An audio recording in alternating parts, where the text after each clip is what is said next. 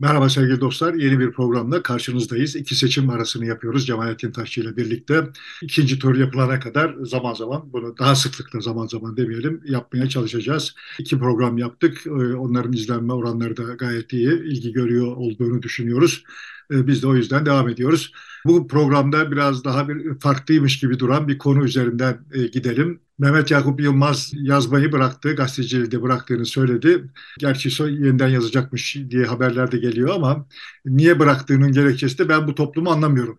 Anlamıyormuşum. Bunca zamandır gazetecilik yaptım anlamıyorum diye bir yazı yazdı ve veda etti. Bunun üzerine Ertuğrul Özkök yazı yazdı. Sen hangi toplumu anlamıyorsun? e, pekala e, biz anlıyoruz bazı kesimini toplumun ama toplumun diğer kesimi de bizi anlamıyor. İşte mesela Trabzon'da yüzde 65 oy aldı Erdoğan. İzmir'de ise yüzde 65 e, Kılıçdaroğlu oy aldı. Demek ki İzmir e, Trabzon'u tanımıyor. Trabzon İzmir'i Öyleyse çözüm ne? E, birbirini tanımazsan ya ayrışıp gideceğiz. E, herkes kendi bölgesiyle, kendi kanunuyla yönetilecek ya da hızla bu başkanlık sisteminden vazgeçip parlamenter sisteme döneceğiz diye bir yazı yazmış oldu. Evet. Şimdi ben biz anlamıyor muyuz gerçekten toplum olarak birbirimizi? Ya da bizim entelektüelimiz, aydınımız, ben dahil, sen dahil e, toplumu tanımıyor muyuz? Şimdi ben kendimi aydına saymıyorum. Önce onu bir söyleyeyim. Sonuçta Türkiye'nin bir aydın, aydın varsa eğer o an, aydının toplumu anlamadığını düşünmüyorum. Yani alemin işleyiş biçimini anlamadığını düşünüyorum. Temelde Trabzon'da birisinin İzmir'de bir başkasının yüzde 65 oy alması, iki rakibin böyle olmasında bir tuhaflık gören aydınlanma aklına sahip olmalarının sıkıntısını yaşıyor olduklarını düşünüyorum. Toplumlar böyledirler. Yani genel olarak Marksist gelenekten gelmiş olan Marksizm sonuçta bir aydınlanma düşüncesi, aydınlanma kavrayışı yani. Marksist gelenekten gelmiş olan sosyologlar, bunlara işte Ertuğrul Özkök'ü de katabiliriz ama genel olarak zaten herkesi katabiliriz. Yani toplumlar bir tarafa bir istikamete doğru yol alıyor iken böyle homojenleşeceklerini, herkesin birbirine benzeyeceğini, bir tırnak içinde eğer herhangi bir istatistikte bir iyileşme gözleniyor ise bunun herkeste herkeste aynı hızda ya işte benzer bir viteste olacağını filan varsaymayı gerektiriyor. Olay böyle olmaz. Sonuçta aslında bu bir müsabakadır. Yani sosyoloji bir müsabakadır. Bunu işte mahalle baskısı üzerindeki tartışmalarda da ben Ertuğrul Özkök'te kendi ölçeğimde hesapla atışmıştım. Yani mahalle baskısı olmasa sosyoloji olmaz. Atomize olmuş bireylerden oluşan ve işte basınç altında herkesin benzer reaksiyonları gösterdiği bir acayip bir şey olur. Amorf bir şey olur yani. Toplum zaten farklı kesimleri olduğu ve bu farklı kesimlerin birbirleriyle rekabet ediyor oldukları dolayısıyla farklı mahalleleri olduğu için toplumdur. Ya o zaman bir sosyoloji var zaten. Tamam burası Dolayısıyla doğru. beni burası doğru ama hani biri diğerine hain, sen PKK'sın, terör örgütüsün, işte e, dış gücün e, yerli ajanısın, etki ajanısın diye tarif ediyor ise burada bir başka şey, bir tarafta diğerini başka şekilde tarif ediyorsa derin bir kopuş var demektir. Tamam yani sonuçta sosyal kesimlerin varlığını ve bunların arasındaki gerilimlerin varlığını kabul edip bunu bereketli bir şey, iyi bir şey olarak gördüğün zaman o zaman sosyal kesimlerin bir tanesini ötekisine karşı hain ya da işte cahil filan diye etiketleyecek hale getireme, getiremezsin. Ama sen Türkiye Cumhuriyeti Devleti'nin zamanında yaptığı gibi top, sosyal kesimlerin tamamının aynı olması için pres uygularsa bir kesimin lehine bir başka kesimin aleyhine iş yapmış olursun. Bunun yarattığı sıkıntılar zaman içinde büyür. Yaşadığımız şey bu. Ertuğrul Özkökgillerin kafası hep böyle çalıştı. Yani laiklik iyidir. Tamam güzel ben de laikliğin iyi olduğunu düşünüyorum. Ama laikliğin tanımı şudur. Dolayısıyla şimdi bütün kadınların başına açık olması gerekir. Ertuğrul Özkök kelimelerle bunu böyle söylemedi ama yani dünya tasavvuruna çıkarılabilir olan şey budur ve Türkiye'de kendisini entelektüele sayanlar kadın özgür olmalı. Kadının özgür olması için başının açık olması gerekir. Çünkü kadınların başlarını erkekler örtüyorlar. O halde kadın özgür olmalı. Bütün kadınlar özgür olmalı. Bütün kadınların başının açık olması gerekir. Kadının başı örtülüyor ise bunun arkasında bir takım tırnak içinde biçimsiz İran kaynaklı veya işte e, tarikat kaynaklı veya filan falan şeyler vardır. E, şematize ediyorum. Anlatabiliyor muyum derdim. Dolayısıyla şimdi bütün kadınların başlarını açmak, başlarını açmayan kadınları cezalandırmak üzere bir düzen kurdular ve bunun yarattığı bir reaksiyon var. Eğer öbür taraftan da bazıları da diyor ki bütün kadınlar başını örtmelidir diyor. Ya geleceğim oraya. Yani demeye çalıştığım şey arkada yatan şey sen eğer homojenleştirme çabasına girmemiş olsaydın başka bir Türkiye'de yaşıyor olacaktı. Homojenleştirmenin iyi olduğunu yani bütün kadınların başının açık olması gerektiğini kabul ettiğin zaman karşıda bütün kadınların başının açık olma, e, kapalı olmasının gerektiğini kabul edenlere meşruiyet sağlıyorsun. Demeye çalıştığım şey bu. Şimdi ama bütün bunları senin istediğin şekilde düzelteceğim. Yani telaşlanma yani. Yani geçen gün Yıldıray Oğur gidemeyenlerin ülkesi diye bir yazı yazdı.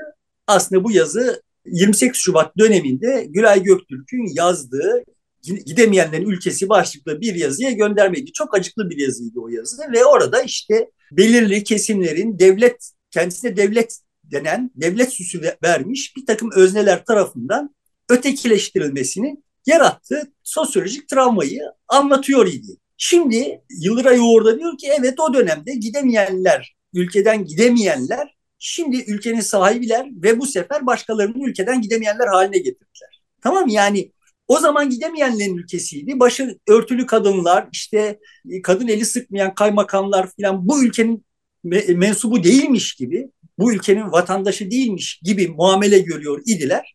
Gülay Göktürk onların trajedisini yazmış idi. Şimdi evet yani bir yerlerde müzik yapmak isteyen, eğlenmek isteyen, kendi ölçüsünde kafa çekmek isteyen veya LGBTİ veya işte Kürt birileri için bu ülke gidemeyenler, e, onlar gidemiyorlar bu sefer. Tamam bu sefer o 28 Şubat'ta mağdur olmuş olanlar böyle küstah, şımarık, burası bizim, size yer yok. Ya bizim istediğimiz gibi davranacaksınız veya işte biz sizi içeri atacağız, toplama kamplarına atacağız filan diyen böyle nobran birilerinin elinde devlet ve başkaları gidemiyor şimdi. Gitmek için kapı arıyor ve gidemiyor yani.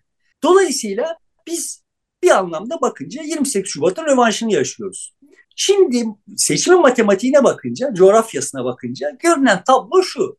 Önce şöyle bir şey, e, dün bir Azerbaycan'da iş yapan bir arkadaşımla sohbet ediyor idim. O dedi ki yani Azerbaycan'da muazzam bir Erdoğan hayranlığı var. Ve işte çifte vatandaş olanların da neredeyse tamamı Erdoğan lehine oy kullandı. Gerekçe işte görünür gerekçe Karabağ'daki Erdoğan'ın Azerbaycan'a yardımı savaştaki ama yani arkasına yatıyor olan daha entelektüel olanlarla konuştuğumuz zaman arkasına yatıyor olan şey şu yani Türkiye eskiden Avrupa Birliği'nin önünde diz çökmüş, içeri girmeye çalışıyor olan ve bunun için her şeye katlanıyor olan bir sünepe devlet gibi görünüyor iken bugün böyle meydan okuyan bir devlet gibi görünüyor Azerbaycan'dan bakınca ve muazzam bir hayranlık uyandırıyor Azerbaycan'dan bakınca.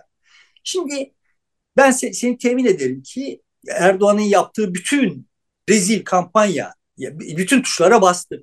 Bütün bunların arasında şeyde satın alınmış olan, Erdoğan'a oy vermiş olanların e, arasında satın alınmış olan esas hikaye evet yani biz şimdi böyle dünyanın sünepe bir unsur olmaktan kurtulduk ve işte dünyaya meydan okuyan bir bir şey olduk. Gurur duyulacak yani mensup olduğumuz toplumla gurur duyulacak bir hale geldik ve bu Erdoğan sayesinde. Realite böyle mi? Realite biz Avrupa Birliği'nden dışlandık. Avrupa Birliği'nin istediği oldu. Bizim istediğimiz değil. Avrupa Birliği'nin istediği oldu.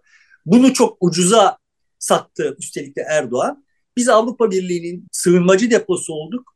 Avrupa Birliği ne istiyorsa bize satabilecek durumda. Bizden ne istiyor ise onu, onu satın alabilecek durumda. Hangi işleri istemiyor ise ve hangi çöplerini bertaraf edemiyorsa onları bize depolayacak durumda. Yani biz Avrupa, biz küme düştük. Evet. Teknik olarak başka başka bir ligde oynuyoruz. Avrupa Birliği ile zaten aynı ligde olma hayalini kaybettik. Tamam yani Şimdi sünepe değiliz belki. Öyle görünmüyoruz belki. Neden? Çünkü bir alt ligde oynuyoruz. Ve işte e, o alt ligdekileri yenebiliyoruz. Onların arasından bazılarını yenebiliyoruz. Bazı maçları kazanabiliyoruz. Öteki ligde maç e, daha çok maçı kaybediyor idik. Ama daha yüksek bir ligde oynuyor idik. Şimdi Erdoğan sayesinde lig düştük. Mesele şurada bak. Bunu ben şimdi bir biçimde ifade ettiğimi düşünüyorum. Bu daha iyi ifade edilebilir mi? Bunu ifade edecek bir siyaset çıkmadı Türkiye'de. Muhalefet bu toplara hiç girmedi. Evet. Ama sosyoloji budur kardeşim. Böyle yani Ertuğrul Özkökgiller de sosyolojinin katmanlı olduğunu vesaireyi kabul ederler. Ama nasıl bir katmanlaşmadır o? İşte orada burjuvalar var, orta sınıf var, işçiler var, emekçiler filan işte böyle gelir dağılımı bu gelir dağılımına göre pozisyon ama öyle olmadı Türkiye'de hiç ve dünyada da öyle olmuyor. Başka şeyler çalışıyor. Sosyoloji o başka şeyler üzerinden çalışıyor ve bu teknik olarak itibardır. İtibarın dağılımıdır. İtibarın yeniden dağılımıdır filan falan. Şimdi temel meselemiz demek ki Türkiye'nin aydınlarının, entelektüellerinin Türkiye'yi anlamaması değil dünyanın temel kodlarını anlamakta eksik oldukları için durmadan çuvallayıp duruyorlar ve durmadan çuvallayıp duruyoruz. Şimdi Tabii yani Marksist gelenekten gelenler servetin dağıtımını biliyorlar. Onun üzerine çok kelam edebiliyorlar da itibarın dağıtımı üzerine ben hiç oradan bir laf duymadım bugüne kadar. Yok zaten öyle bir şey yani dünyayı dünyanın gerçekliği suratlarına çarptığında ya bir dakika ben yanlış biliyormuşum diyemedikleri için bu durumdayız zaten. Toplum yanlış.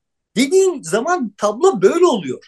Ya benim bilmediğim de bir şeyler varmış. Denebilseydi zaten bunlar öğrenilecekti. Benim sittin senedir verdiğim temel kavga bu.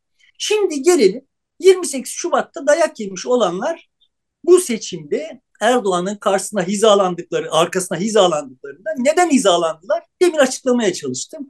Evet yani Türkiye'nin daha bir takım maçları kazanıyor olmasından mutlular filan. Aslında ama arka planda tekrar iddia ediyorum. Bu bir sosyal müsabaka ve şimdi onlar ötekileri, ötekileştirdiklerini, zamanda kendilerini ötekileştirmiş olanları dövüyor olduğu için Erdoğan'ın arkasındalar. Çok şematize ediyorum. Ben üzülüyorum diye mutlu oluyor adam. Adamın aslında hiçbir işi yolunda gitmiyor. Teknik olarak bakınca bu hiç yoluna gitmeyen işlerinin faturasını iktidara çıkartması gerekir. Kafamız böyle çalışıyor. Adamın işleri yolunda gitmiyor ama gideceğine dair bir ümidi yok. Yani şu, iktidar değişse şu olsa bu olsa gideceğine dair bir ümidi yok. Kimse zaten Türkiye'de Türkiye'ye ümit de vermiyor. Çünkü genel bir nostalji işte bir yığın şey değerleri kaybediyor olduğumuz plan da bir yandan pompalanıyor. Onlara ayrıca çok teferruatlı konuşmak gerekir. Dolayısıyla işte adam zaten ümitlerini kaybetmiş. Dolayısıyla bakıyor benim üzülmem onun ondan onun üzüldüğünden daha çok üzülmem onda bir tatmin yaratıyor. Zamanında 28 Şubat'ta durum bunun tam tersiydi.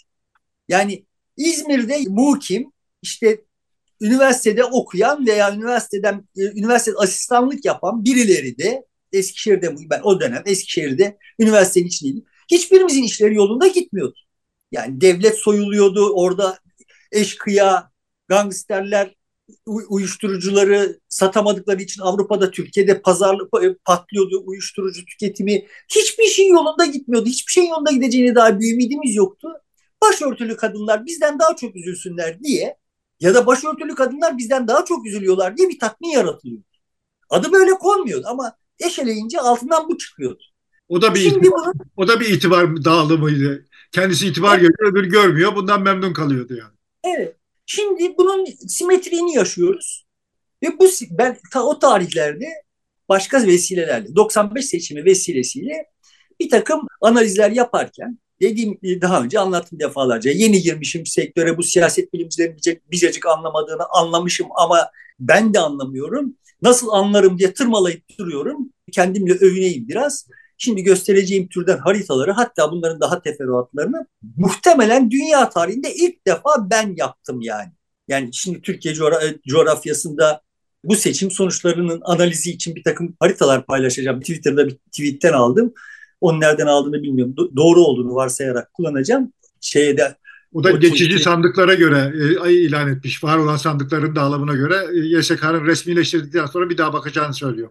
Yani işte onu, o tweet'i de şeyin altına koyarız, videonun altına. Yani övüneyim ki ilk defa ben yaptım bu işi. Belki de dünyada, Türkiye'de kesin ilk defa ben yaptım ve sonra benden sonra da yıllarca yapılmadı zaten. Benim de elimde o tool'lar kalmadığı için ben artık devam edemiyorum, yapamıyorum ve çok eksik hissediyorum kendimi. Şimdi o haritalarda bariz Türkiye'nin nasıl bölünmüş olduğu görünüyor. Temel mesele şu. beni bilen biliyor. O 28 Şubat'ta ötekileştirilmiş olanların orada mağduriye mağdur kalmış olanların sözcülüğünü her gerektiği yerde yaptım. Her gerektiği yerde yaptım. Yani 28 Şubat döneminde gazetelerde yazarken de yaptım. Üniversitede çalışırken de yaptım. Siyasetçilerle konuşurken de yaptım. Şimdi işin öteki tarafına gelelim bakalım. Ben o tarihlerde o 95 seçim sonuçlarını analiz ederken demiştim ki Türkiye'deki asıl asıl tehlikeli fay hattı batıda. Balıkesir, işte Denizli, Antalya diyelim. Şöyle bir fay hattı vardı. Asıl kırılabilir fay burasıdır. Ben ta o tarihlerde o coğrafyada yaşayan insanların ya kardeşim biz niye bu Kayseri'nin Diyarbakır'ın yükünü çekiyoruz hissiyatına sahip olduklarını ölçmüştüm. Bunun eğer bir siyaseti çık çıkmış olsaydı Güneydoğu bölünmeden çok önce Türkiye'nin batısı bölünürdü. Türkiye'de bu anlamda siyasetçiler nasıl diyeyim sağduyulu davrandılar ve burayı kaşımadılar. Kaşısalardı burası çok daha kırılgandır. Ben bunu ta 95'te yazdım. 95'ten sonra bu işlerin içinde kaldığım süre boyunca analizini yaptım vesaire. Şimdi görünüyor olan tablo şu. Ben sağda solda bir iki laf ettim. Sen sağda solda bir iki laf ettin. Ertuğrul Özkök oradan bir iki laf etti filan. Bizim videoların altında da yazıldığı gibi tablo şöyle. Diyor ki ve çok haklı olarak bence benim açımdan çok haklı olarak diyor ki kardeşim sen Kayseri'de Konya'da işte efendime söyleyeyim Erzurum'da kadınına güvenmiyorsun eğer sokağa çıkarsa etekle sokağa çıkarsa yoldan çıkar diye veya kendine güvenmiyorsun kadın öyle sokağa çıkarsa ben baştan çıkarım azarım diye. Tamam olabilir yani. Sahiden de öyle olabilirsiniz ve dünya tarihinde binlerce yılda insanlar böyle yaşadılar. İyi de ben kendime güveniyorum. Kadına da güven yani kadın olarak erkek olarak ben İzmir'de kendime güveniyorum yani. Kadınları sokakta gördüğüm zaman azmıyorum. Kadınlar erkek erkekler arasında sokağa öyle çıktıkları zaman yoldan çıkmıyorlar. E sen Kürtlere düşmansın. E tamam yani olabilir bu coğrafyada böyle düşmanlıklar yıllarca olur. Ama ben Kürtlerden memnunum bir şikayetim yok. En güzel midye dolmayı da onlar yapıyorlar. Ya burada da var Kürtler. E biz birbirimizin başını gözünü yarmadan yaşıyoruz. Hatta Doğu Karadenizlerle bile yaşıyoruz. En güzel gevreyi de onlar yapıyorlar. E sen LGBTİ e, dediğin insanları öldürmeden rahat etmeyecek gibi görünüyorsun. E benim bak, baktığım yerden bakıldığında yetişkin insanların tercihlerine kimsenin karışmaması gerekir. E sen silah, milah filan falan görünce baştan çıkıyorsun, kahramanlık hikayeleri yazıyorsun. E benim için barışseverlik pısırıklık değil. E sen dünyayla kavga etmek, fethetmek istiyorsun. Yani bütün yakın tarihe kadar da dünya böyleydi. Evet hala da sen bunun hayalini kurabilirsin. Güzeldir. İyi de benim kimseyi fethetmek gibi bir derdim yok. Şöyle efendi gibi barış içinde yaşayacağım. E sen depremin altında enka, enkazın altında kaldığında sana gelen yardımları yok yok muhalefetten gelen yardımları yok yok onları ben dağıtacağım kavgası yapan bu kavgayı yaparken binlercenizin ölümüne sebep olan bir otoriteye yani işte ama otorite lazım. Başımızda böyle eli sopalı biri olmazsa düzen olmaz diye düşünüyorsundur. Sahiden de başında sopalı biri olmadığı zaman düzeni de kuramayacak bir grupsundur. Buna da bir itirazım yok. Öyle yine bunlar da hep oldular. İyi de ben başına sopalı biri istemiyorum. Ben bana gelen yardımlarına üzerine oturmaya çalışacağına beni kurtarmaya çalışan birilerini istiyorum. E yarın öbür gün burada da yani İzmir'de de deprem olacak ve deprem olduğunda yine hop ne oluyoruz? Bir daha öyle herkes kafasına göre yardım edemez. Yardımları getireceksiniz. Ben sanki AKP yardımıymış gibi bunları dağıtacağım diyecek adam. Ve ben bunu istemiyorum kardeşim. Ben enkazdan çıkarılmak istiyorum. Dolayısıyla tamamen sen senin değerlerinle güzel güzel orada yaşa. Ama şu Trakya'dan yani hani haritanın üzerinde görünüyor zaten. Evet. Trakya'dan başlayalım Muğla'ya kadar bölelim. Barış içinde boşanalım kardeşim. Sen kendi bildiğin gibi yaşa. Muğla'da bitmiyor. Kendim... Muğla'da bitmiyor ama Akdeniz'de kıyıda devam ediyor. ya sonra onları bilare pazarlıklarını yaparız. Yani Çanakkale Boğazı'nın statüsü ne olacak? Bu işte mirası nasıl üleşeceğiz falan filan. Onların pazarlıklarını yaparız ama işte kabaca biz şimdi şöyle burada bir bant 150 kilometre 200 kilometre derinliğinde Ege kıyıları ve işte Trakya da bir burada bir bağımsızlık bağımsız bir de, devlet kuralım diyecek bak yani benim iddiam bu. Bu kadar böyle nobran, böyle efendim işte çekemeyen anten taksın, üçüncü sınıf şeyleriyle falan küstahlaşıldığında burası bunu diyecek. Yani zamanında 28 Şubat'a herhangi bir şekilde bir destek vermemiş olan, herhangi bir günahı olmayan, zaten 28 Şubat'ta daha doğmamış olan yığınla insana böyle muamele edemezsiniz yani. Edemezsiniz. Kimsiniz siz ya? Kaldı ki e, o kırmızı çizgiyle çektiğin Ege dediğin İzmir dediğin bölgede 28 Şubat'a itiraz etti. Çok alkışlamadı yani. Yani sonuçta 28 Şubat bugün nasıl Erdoğan ve şürekası aslında işte böyle çekemeyen anten taksın ge gevşeklikleriyle iş yapıyor ise 28 Şubat'ta da aslında bu o operasyonu kotaran bin kişi, 2000 kişiydi. Ama toplumun belli kesimleri işte buradan e, kendi entelektüelleri durmadan bir homojenleştirme empoze ettiği için yani ancak birbirimize benzersek hepimiz birbirimize benzersek o zaman sağlıklı bir toplum oluruz. Yaklaşımı diyelim, varsayımı. Mekteplerden başlayarak gazetelerden, televizyonlardan üzerimize kusulduğu için toplumun belirli kesimleri de bu inançla diğerlerinin üzerine gitti. Şimdi de böyle oluyor. Yani şimdi de kimse düşünmesin ki Kayseri'de işte Erzurum'da filan falan e, Erdoğan'a oy verenlerin tamamı tamam ya hakikaten LGBT'lileri öldürelim, fethe çıkalım falan falan diye düşünmüyor. Ama temel meselem şu benim. Ama şimdi siz öyle düşünmüyorsunuz ama bunları söyleyip duran Erdoğan'ın peşinde durduğunuzda bak o adam burada sizinle aslında bir derdi olmayan insanları zulmediyor kardeşim. Bunun bunun ortağısınız. Bunun çözümü Erdoğan ve Kılıçdaroğlu arasından çıkarıp maçı Erzurumlu'yla İzmirli'yi karşı karşıya getirmek. Yani İzmirli şunu dediği anda Erzurumlu üç kere düşünmek zorunda kalacak. Tamam kardeşim çiziyoruz buradan çizgiyi. Bundan sonra Bodrum'a pasaportla gireceksiniz.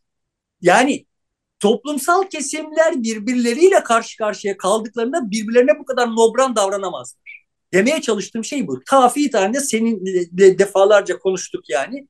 Denizli'de e, şey e, stadın stadın çevresindeki tel örgüler kaldırıldığında böyle denizlilere örgüler düzüldü falan falan. Dedim ki her yerde kaldırın kimse birbirine saldıramayacak ve evet kaldırıldı saldırılamıyor. Tel örgü varken saldırmak kolay kardeş. Orada tel örgü var ve e, Erzurumlu İzmirli'ye, İzmirli Erzurumlu'ya sövüp duruyor. Vay orada işte enkazın altında kaldığınızda size yaptığımız yardım haram olsun diyen buradan birkaç kişi çıkıyor. Oradan birkaç kişi çıkıyor. Bunun üzerinden bir toplumsal analizler yapıyoruz. Toplum böyle değil. Aradan tel örgüleri kaldığımız zaman kimse kimseye yumruk atmaz. Daha doğrusu 3-5 manyak birbirine yumruk atar yani. Evet. Ve bu 3-5 manyak tam birileri bizim başımızda iktidardalar. Sayıyorlar, sövüyorlar. İşte köpekleriyle evlenecekler, lagalar, lugalar. Böyle absürt absürt şeyler üzerinden. Ya toplumun bunlarla bir alakası yok. Niye bunları söylemek zorundalar? Çünkü hiçbir iş hakkından gelemediler. Evet, başarısız oldular. Tamam mı? Temel meselemiz bu. Daha da hiçbir şeyin hakkından gelemeyecekler. Daha iğrenç şeyler söyleyecekler. Ama burada bizim bu problemi çözmemizin yolu sosyal kesimlerin birbirine temas etmesi. Kardeşim tamam. Yani temas etmesi derken yan yana gelmeleri değil. Tamam o zaman siz çok haklı talepleriniz olabilir. Eğer talepleriniz bunlarsa tamam çiziyoruz çizgiyi. Çiziyoruz yani. Ne yapacaksınız? Biz silahlı örgüt değiliz. Bize terörist muamelesi yapamazsınız. Dünyanın bu konjonktüründe sivil bir ayrılıkçı harekete kimse de mani olamaz. 3-5 bin kişiyi öldürürsünüz. Kalın sonrasında bütün dünya el koyar. Çizeriz çizgiyi yani. Kimsiniz ya siz? Bir haddinizi bilin yani. Dolayısıyla burada bunları tekrar söylüyorum yani ben diğer kesimin hakkını, hukukunu, meşruiyetini yıllar boyu müdafaa ettim ve hala ediyorum. Hala diyorum ki aslında orada AKP'ye oy verenler de dahil hiçbirisinin böyle LGBTİ işte bunlar köpekleriyle evlenecekler yok efendim falan gibi dertleri yok. Kimsenin başkasının hayatını dizayn etmeye derdi de yok. Sadece kendi özgürlüğü konusunda herkesin bir hassasiyeti var. Yani benim başörtüme karışma ben senin niyetine karışmayayım diyor genel kalabalık.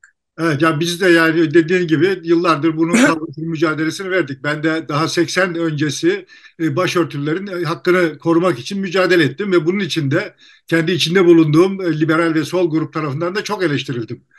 Ta ne zamana kadar e, bu sürdü? Pek çok arkadaş da kaybettim, ayrıştık tabii. Kılıçdaroğlu kanun verelim, e, madem ki hani geri alınacak bu hak diyorsunuz, bunu kanunlaştıralım falan dediğinde Erdoğan dedi ki bu olmaz, anayasa olsun falan. Yani başörtüsü meselesini elimden almayın dedi. O zaman kavga ettiğimiz bütün arkadaşlar aradılar beni. Bak kullandı, sen kullanıldın diye. Şimdi anladın mı? Bunların derdi başörtüsü özgürlük değildi. Onu kullanıp oy kazanmaktı diye şimdi onu başıma kalktılar. Terse dönmüş oldu iş. Şimdi hep beraber bunları yaşadık. Bunlar olur da yani e, entelektüel tartışmalar içinde bunlar olur da.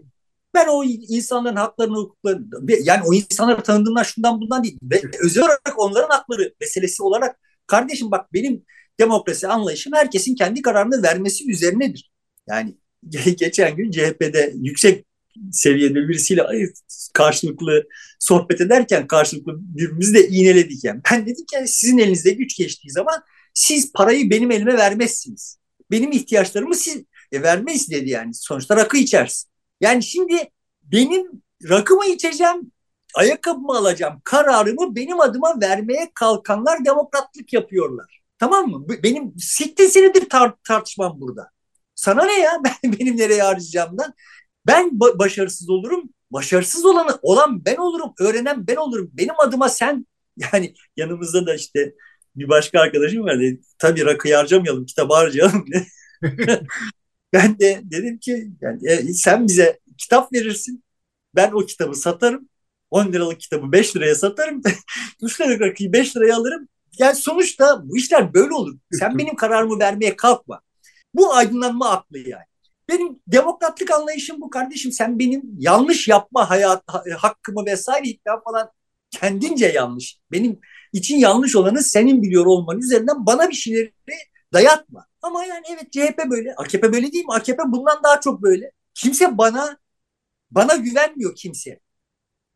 Biz toplum olarak bize güvenmeyen, hiçbirimize güvenmeyen insanların elinde kalmışız ve birbirimize güvensizliğimizi besliyorlar. Sıkıntımız buralardan kaynaklanıyor. Biz şahıs konuşuyoruz. Sittin senedir bunları söylüyorum. Ama bu dinamik işlediği sürece ben te, seni temin ederim ki o çizgiyi çizecekler ve o çizgiyi çizenler de haklı olacak. Çünkü bir günahları yok onların. Ve şimdi de yani bir yandan ben aslında kategorik olarak onların hakkında müdafaa ediyorum yani. Rahatça yaşayın, bildiğiniz gibi yaşayın. Nasıl istiyorsanız öyle yaşayın diyorsun. Ben saygı göstereceğim Her, diyorsun. Herkesin kendi kararını vereceği düzeni kurmak zorundayız. Daha çok kararını kendisinin vereceği bir düzeni kurmak zorundayız. Benim derdim burada. Şimdi karar verme noktasında da bir, bir nokta var. Biraz bunun dışına çıkacağız ama şimdi bu milletvekili seçiminde e, adil bir durum yok. E, mesela İzmir 120 bin kişiye bir milletvekili seçerken İstanbul neredeyse bazen 150 bine varan bir oyla seçerken Denizli 100 bin oyla bir milletvekili seçerken Bayburt e, işte 35 binle seçiyor, 40 binle seçiyor. İşte Tunceli 30 binle bile seçebiliyor. E, bunun da eşitlenmesi gerekiyor. Yani herkes 100 binine seçiyorsa 100 bin, 90 bini seçiyorsa 90 bin. Hadi 5 ile 10 bin arasında değişebilir. 90 bin, 100 bin arasında değişebilir. Seçim çevreleri de buna göre olmalı. Böyle olursa pek çok yerde orada azınlıkta olan insanlar da temsil edilmiş olacak. Üçte bir gibi her yerde muhalif olanlar. E, onlar da kendilerini ifade edebilmiş olacak. Belki ayrışma bu kadar sert olmayacak idi. Olabilir. Yani sonuçta bu, bu konuda bir adalet gerekiyor ama her durumda her adalet sağlamak için yapılan şey başka bir ada böyle tabir edeyim. Bir eşitlik sağlamak için yapılan her şey bir başka eşitsizliğe sebep olur. Dolayısıyla sistemi öyle değiştirmek için yapılan müdahaleler bizim şimdi öngöremeyeceğimiz başka şeyler doğuracaktır. Tabii ki yapılmalıdır bu müdahaleler ve o ne doğacaksa o doğanın üzerinden yeniden bir değerlendirme yapmak gerekir falan. Ama benim asıl derdim ben tekrar söylüyorum benim herkesin kendi kararlarını, daha çok kararını kendi tercihlerine göre verebildiği bir dünyaya doğru gidiyoruz ve bu hızlanacak bir şey. Bunun önüne geçilmesine e, imkan yok. Ve bu anlamda toplumun topluma güvenmek zorundayız. Toplumun böyle manasız vasileri arasındaki mücadele siyaset değil. Benim derdim burada. Ve eğer bu siyaseti böyle bu halde tutmayı sürdürürsek yarın, yarın öbür gün seni temin ederim ki deminden beri söylediğim gibi bir yerlerden bir çizgiyi çize, çizecekler ve diyecekler ki haklı olarak yani sen sizin evde ben bizim evde o da yan yana yani.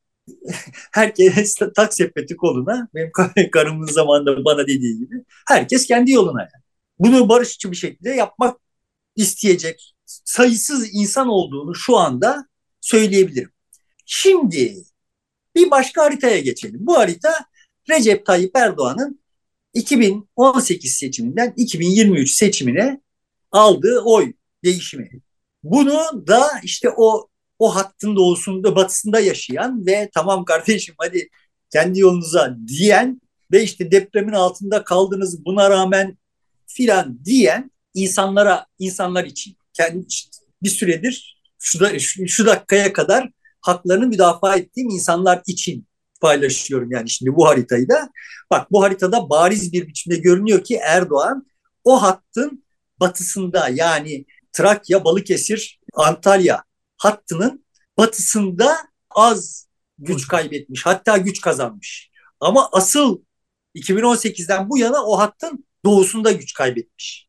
Temel sıkıntı, bu seçime dair temel sıkıntı, bak bu herhangi bir sağlıklı veri analizi, sağlıklı sosyolojik analiz, sağlıklı araştırma yapılmadan genellemeler yapılıyor olduğu için de başımız dertten kurtulmuyor.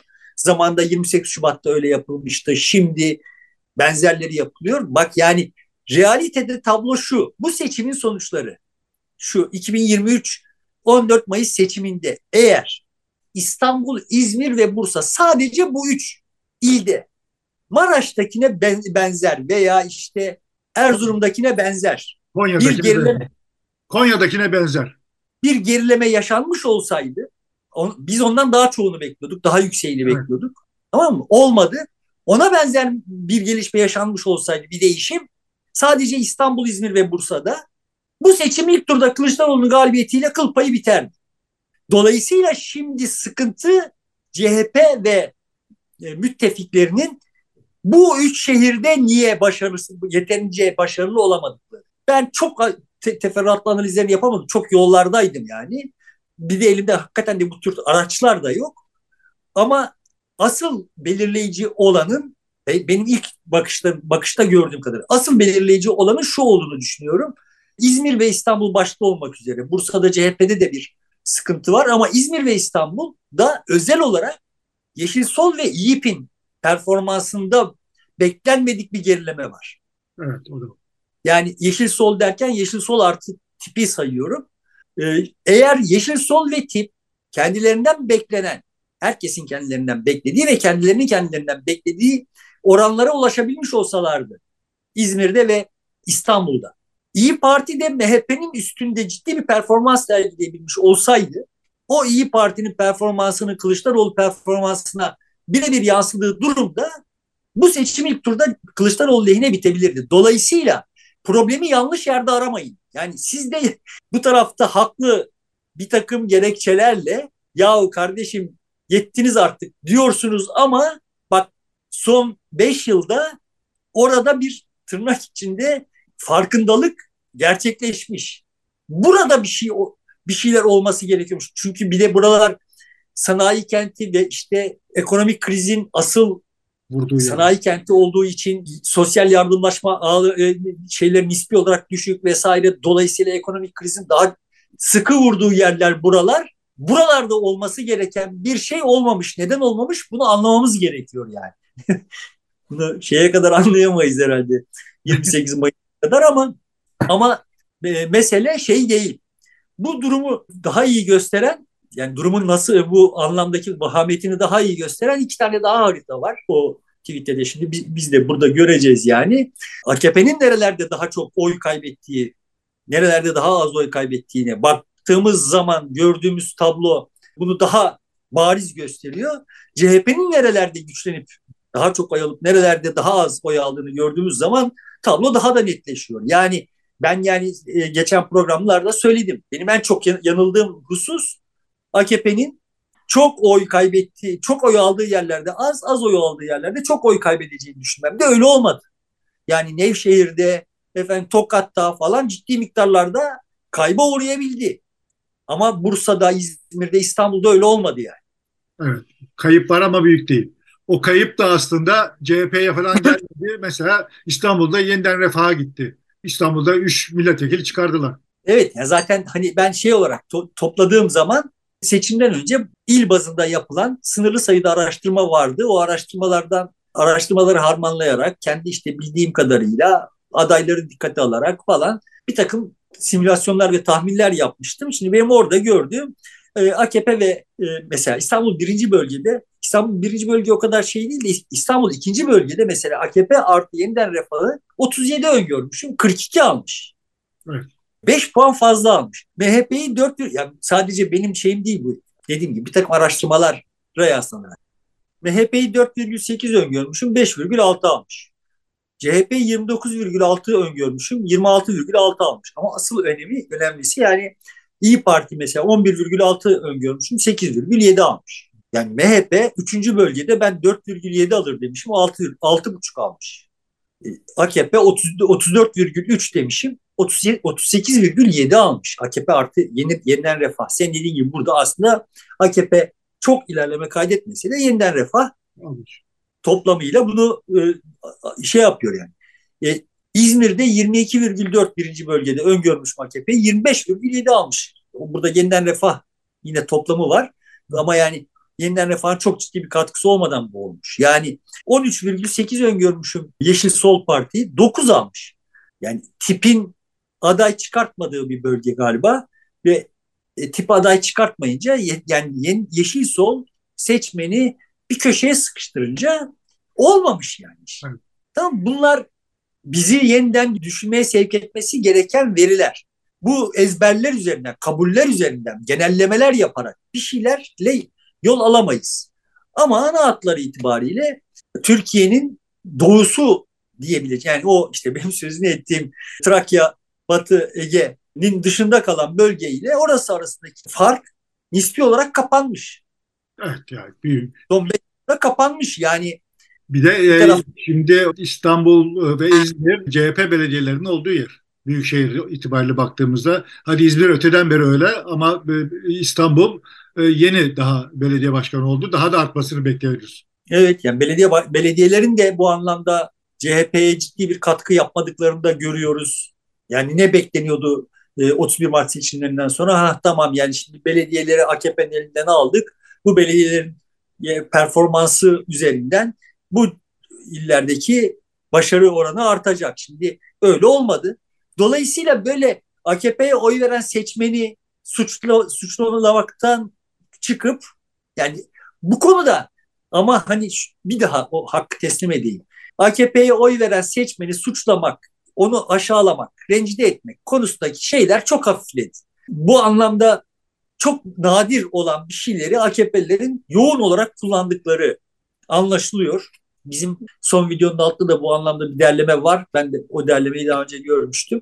İyi ama teslim etmek gerekir ki hem sivil toplumda hem de e, CHP, İyi Parti vesaire yani Millet İttifakı blokunda söz söz sahibi olanların, söz alanların AKP'ye oy veren seçmene yönelik rencide edici hiçbir tutumu yok. Hiç siyasi kısmında hiç yok. Sosyal kesimde de bu son derece zayıfladı.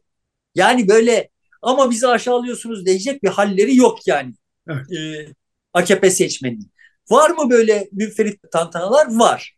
Ama öteki tarafta adam bize anten takın diyor. Kardeşim ya yani sizin siz çok inciniyorsunuz falan da ya biz de burada biraz inciniyoruz yani. Bir incinmek sadece size has bir şey değil yani.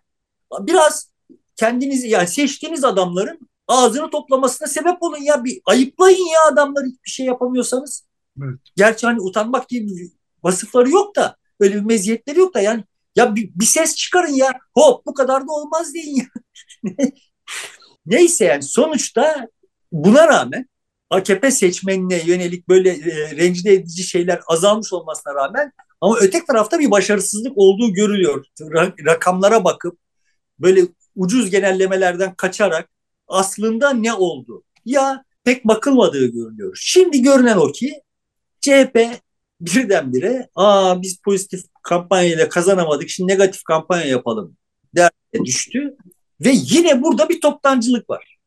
Yani işte seninle geçen videoda uzun uza diye konuştuğumuz bir milliyetçilik yükseliyor E işte tamam biz de milliyetçilik yapalım. E yani ne yapalım? Şimdi milliyetçilik yaparken de orada Kürtler de var. Onları da küstürmeyeceğiz. Ne yapalım? Sığınmacı düşmanlığı yapalım. Yani yapın sığınmacı düşmanlığı. Benim bir, ona da bir itirazım yok. Eğer seçim alacaksanız seçime kadar sığınmacı düşmanlığı yapın falan. Yani, ama bu böyle orada bu kadar ucuz, bu kadar yani sığ akıl yürütmelerle iş yapılması durumunda kazanmayı beklemek yanlış bir şey. Benim derdim bu. Yani kim şimdi bu Sinan Oğan'a oy verenler? İşte Zafer Partililer. Yani Zafer Partisi'nin şeyi bu adayı. E Zafer Partisi neydi? Sığınmacı düşmanlığı üzerinden bir şey yapmıştı. Karşı iki aldı işte. yani buradan böyle sığınmacı düşmanlığı üzerinden Sinan Oğan'a oy verenlerin de ki bu kadar ucuz değil bu işler kardeşim. Bak bu kadar kaba yaklaşılabilecek şeyler değil ve görünüyor ki bir heyet gönderildi. Bir kampanya heyeti gönderildi. Onun yerine gelen böyle apar topar bu tür bir negatif kampanya. Bizim derdimiz burada buralarda değil. Sığınmacılarda, sığınmacı düşmanlıklarında falan değil. Bizim derdimiz eğer sığınmacılar üzerinden bir şey yapacaksanız Recep Tayyip Erdoğan'ın bu işteki sorumluluğunu anlatmanız ve bunu Recep Tayyip Erdoğan'ı işinize yarayacak şekilde kodlayarak yani bu adam vatanseverlik satıyor ve bizim vatanseverliğimizi bize karne verme yetkisini kendine görüyor ama bak bu adamın yaptığı aslında Avrupa Birliği'nden bilmem kaç milyar doları al alabilmek için burayı Avrupa Birliği'nin göçmen deposu haline getirmektir. Bu vatan sevmeyen bir adam. Bunun yaptığı her şeyi vatanın aleyhine diye kodla, kodlamanız sizin yenmeniz gereken sığınmacılar değil. Sizin yenmeniz gereken Recep Tayyip Erdoğan. Yani kamuoyuna bak kardeşim işte bak, böyle hani dünya lideri falan falan diye satıyorsunuz ama bu adam bizi Avrupa Birliği'nin bu ihtiyaçlarını karşılayacak lojistik merkez haline getirdi. Avrupa Birliği'nin ortak adaylığından çıkardı daha bu hale getirdi diye anlatmanız gerekiyor. Yani bu kelimelerle değil daha anlaşılır kelimelerle. Ama Tayyip Erdoğan'ı hedefe yerleştirmeden bir negatif kampanya nasıl olur? ya yani şöyle kavramlaştırıldı anladığım kadarıyla. Bu, bu kadar budalalık nasıl oluyor ben hakikaten anlamıyorum.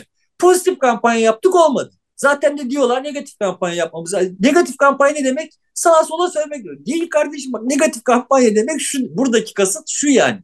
Siz sizin ne kadar iş yapacağınızı anlatmak yerine Tayyip Erdoğan'ın ne kadar hata yaptığını anlatmanız gerekiyor. Tayyip Erdoğan'ın ne kadar hata yaptığını. Dünyanın ne kadar kötü olduğunu değil yani. bu negatif bir şey değil. Ya yani bu da negatif bir şey. Bu negatif kampanya değil yani. Negatif kampanya dediğimiz Son şey. Basın toplantısında Kılıçdaroğlu e, bu dediğine yakın şeyler söylemeye çalıştı. E, yazılı bir kağıttan okuyarak Erdoğan'ı hem bu göçmenlerden dolayı sorumlu tuttu hem de terör PKK'dan dolayı. Tamam ama bu yani böyle işte şeyin arkasında saklanıyor. Bunu yekten hikayenin böyle Tayyip Erdoğan'ın üzerine gitmesi gerekiyor. İkincisi mesele sığınmacılar ve anladığım kadarıyla Hüdapar çerçevesine kalacak. Halbuki benim açımdan bu benim kanaatim. Yani bunu yemin et desen edemem. Yani ispatla desen edemem. Yani ispatlayamam. Halbuki bence asıl vurgunun depreme yüklenmesi gerekiyor. Yani depremin kötü yönetilmiş olmasına, kötü de değil, kötü niyetli yönetilmiş olmasına. Evet. Yıkılması gerekiyordu. Deprem bölgesindeki oyların artırılması için değil. Deprem bölgesi dışında yani İzmir'de, İstanbul'da insanlar deprem tehdidini her gün hissederek yaşıyorlar. Bu nüfusta şu duygunun uyandırılması gerekiyordu. Yarın öbür gün burada deprem olduğunda aha bunlar kendi iktidarlarına buradan nasıl fayda çıkaracakları veya bu kendi iktidarlarına zarar vermemesi için ne yapılması gerektiği üzerine kafa yorarken biz enkazın altında öleceğiz. Bu duyguyu kazımak gerekiyordu zihinlere yani. Dolayısıyla esas mesele deprem gününden itibaren ilk üç günde, ilk bir ayda, ilk üç ayda neler yapılabilirdi ve yapılmadığı böyle işte çadır satmak falan değil kardeşim. Yani çadır satmak bunun son derece önemsiz bir bileşeni ya. O vatandaşların bugün hala çadırda yaşıyor olmaları, hatta bazılarının hala çadırı olmaması başka bir dert. Bunları böyle somut, oradaki yaşayan insanların ağzından çok acıklı videolarla filan falan ve Erdoğan'ı suçlayarak anlatması gerekiyordu. Benim ben bana verselerdi işi ben bir hafta boyunca sadece deprem anlatırdım. Bu kadar netti benim kafam yani. Bir hafta boyunca sadece deprem anlatırdım ve ka- kamuoyuna dönüp bak yarın sizinle başınıza gelecek. Çünkü şehirleri güçlendirmeyecekler. Çünkü para yok ve olan parayı başka yerlere işte böyle köprülere bilmem saraylara falan falan harcıyorlar. Şehirleri güçlendirmeyecekler ve deprem olduğunda da siz can, çekişirken işte ben böyle söylediğimde hemen benim muhataplarım sela verecekler. Sela evet ama bu, bu sembollere falan falan sığınmadan bu kadar sembolik olmadan durmadan semboller üzerinden konuşmadan somut gerçek bak bunlar gelecekler sizin başınızda filanca belediyeden gelen yardımın üzerine AKP logosu yapıştırmak için vakit kaybedecekler yani. O tırları deprem bölgesine girerken kontrol eder etmek için o tırlardaki yardım malzemelerini AKP tırlarına aktarmak için uğraşırlarken siz enkazın altında öleceksiniz. Böyle yani hiçbir sembolizm içermeden bunların anlatılması gerekiyor diye düşünüyorum. Bilmiyorum yani pek akıllıca gitmiyorlar gibi düşünüyorum. Ve buradan şurada işaret edip kendi derdimi bitireyim. Bak bu kadar akıl, akıllıca işler yapılmadan, doğru tahliller yapılmadan, doğru teşhis konmadan, doğru tedavi uygulanmadan hastanın ölmesini hastaya yıkmayın. Derdim budur yani. Evet bakalım yani biraz çaresiz kaldıkları işte el yordamıyla bir çıkış aradıkları görülüyor. Ee, bir de ihanete uğradığını düşünüyor Genel Merkezi ve Kılıçdaroğlu. Kadroyu değiştirdi. Yeni gelenler de telaşla kısa süre içerisinde bu kadarını ancak yapabiliyorlar gibi gözüküyor senin eleştirilerine göre. E buna göre hareket ettiğimizde e, seçimi kazanma ihtimali zayıf mı ya da hiç yok mu? Ya bana kalırsa e, aritmetiksel olarak pek yok ama bu konuda biraz hani uzun uzun konuşmayı gerektiren bir şey. Mesele benim önce şunu işaretleyeyim. Ben yani kendi, benim bakış açımdan bakıldığında nelerin hata olduğunu söylüyorum. Bunun neden hata olarak gördüğümü de söylüyorum. Bunlar ne kadar anlaşılır bilmiyorum. Başka, başka akıl yürütmelerle bunlar pekala doğru şeyler görülebilirler ama akıl yürütmeden yapılıyormuş gibi görünüyor. Yani benim derdim bu çok kestirme, çok ucuz, çok Hani bu e, haritaları falan paylaşmak istememin sebebi o. Yani ezberler var ve bu ezberleri yanlışlayan şeyler dikkate alınmadan bir takım işler yapılıyor. Ezberler üzerinden iş yapılıyor diye düşünüyorum. Bunun, bu sadece bu seçimle ilgili değil, genel olarak memleketle ilgili bir sıkıntı olduğu için vurgulamak istiyorum. O mesela ya, belediye başkanlarını ve milletvekillerini kendi illerinizde kalın, orada çalışın denilmiş. Belki de bu e, eksiklik görülmüş özellikle iki büyükşehir belediye başkanı açısından. Bilmiyorum yani sonuçta onları bunların sonuçlarına çok hassas olduğunu da düşünüyorum şeyin seçim sonucunun. Aslında hani dediğim gibi böyle siyasi elitleri aradan çıkarıp toplumsal kesimleri karşı karşıya getirsek belki seçim sonucunu geçirme, getirmenin bir yolunu bulsak yani. Yani, yani sahiden de Maraşlılara, Kayserililere, Erzurumlulara, Konyalılara kardeşim bak böyle giderseniz bu kadar nobran bir adamları bu kadar kayıtsız desteklemeyi sürdürürseniz eğer sadece kendi menfaatleri için sizin Bodrum'a pasaportla gitmenizi gerektirecek şartlara sebep olacaklar. Duygusunu geçirecek bir şey yapılırsa mesela yapılabilse şu bir hafta içinde ben garanti veriyorum sana yani 60 puan alır Kılıçdaroğlu. yani Erdoğan 40 Erzu, Erzurumlular, Trabzonlar der ki kardeşim asıl oyu İstanbul'dan alıyor. Gidin Bursa'dan, İstanbul'dan ikna edin. Onlar vermez. Bizim nedir ki oyumuz falan diyebilirler yani. Mesele şu zaten yani asıl bunu sen e, Erzurumlara hitaben söylersin de İstanbul'daki de bunu alır yani. yani İstanbul'da bu nobranlığı yapan da bu şeyi alır. Burada esas sıkıntımız toplumsal olarak esas sıkıntımız bizim bizim muhalif kesimde aklı başında olan biz derken şey yapmayalım. Kendimizi bir kendimize de bir paye vermeye kalkmayalım da. Yani. So, sonuçta kaygı duyuyor olanlar neden kaygı duyuyorlar? Erdoğan kazanacak diye kaygı duymuyorlar. Erdoğan kendi iktidarını toplumda, toplum içinde kesim, kesimler arası nefreti körüklüyor olduğu için Erdoğan'a karşı. Yani. Yoksa evet yani er, Erdoğan dindar olduğu için, karısının başı örtülü olduğu için filan Erdoğan'a karşı olanlar vardılar. E, zaman içinde, 20 yıl içinde bunlar sahiden ciddi mesafe kat ettiler. Yani olayları böyle değerlendiriyor olanların şu andaki kaygıları, ağırlıklı kaygıları toplumdaki gerilimin çok yükselmesi. Buraya nerede, bu programa nereden başladık? Sen dedin ki yani işte Trabzon'la İzmir arasındaki bu farklar tehdit değil ama bu farkların böyle sen hainsin ben bilmem neyim noktasına gelmesi tehdit. Evet tam da bu yani. Şimdi bunu bütün muhalif kesim kabaca muhalif kesimin neredeyse tamamı bunu böyle hissediyor. Muvafık kesimde bu tarafın bunu böyle hissediyor olduğu ve artık böyle pasif bir biçimde tamam hani sizi incitmeyelim edasının sürmeyeceğini görürse onlar da biraz frene basarlar diye düşünüyorum ve o, o durumda da işler başka yere gider ama bu, bir hafta içinde bu iş yapılabilir mi? Bana kalsa çok imkansız. Fakat başka şeyler olabilir. Onlara bir ara konuşalım. Toplumun kendi dinamiği başka şeyleri harekete geçirebilir. Kendi çünkü bu konuyu çok yoğun tartışıyorlar. Esnaf bile gelen müşterisiyle bu konuyu konuşma ihtiyacı duyuyor çoğu yerde. Üsküdar'da gittiğimizde. Demek ki bir herkeste bir soru işareti var. Yani sen ben sormadan bile ben şuraya oy verdim diye diyor. Acaba doğru mu diye test etmeye çalışıyor bir hafta sonra yani bir, bir sonraki programda bunların nelere yol açabilir olduğunu yani aslında şu anda topluma neyi harlanıyor olduğunu falan konuşalım yani. Tamam. Peki sevgili dostlar burada bitiriyoruz. Yeniden karşınızda olacağız kısa bir süre sonra. Şimdilik hoşçakalın. Desteğiniz için çok teşekkür ediyoruz. Görüşmek üzere. Hoşçakalın.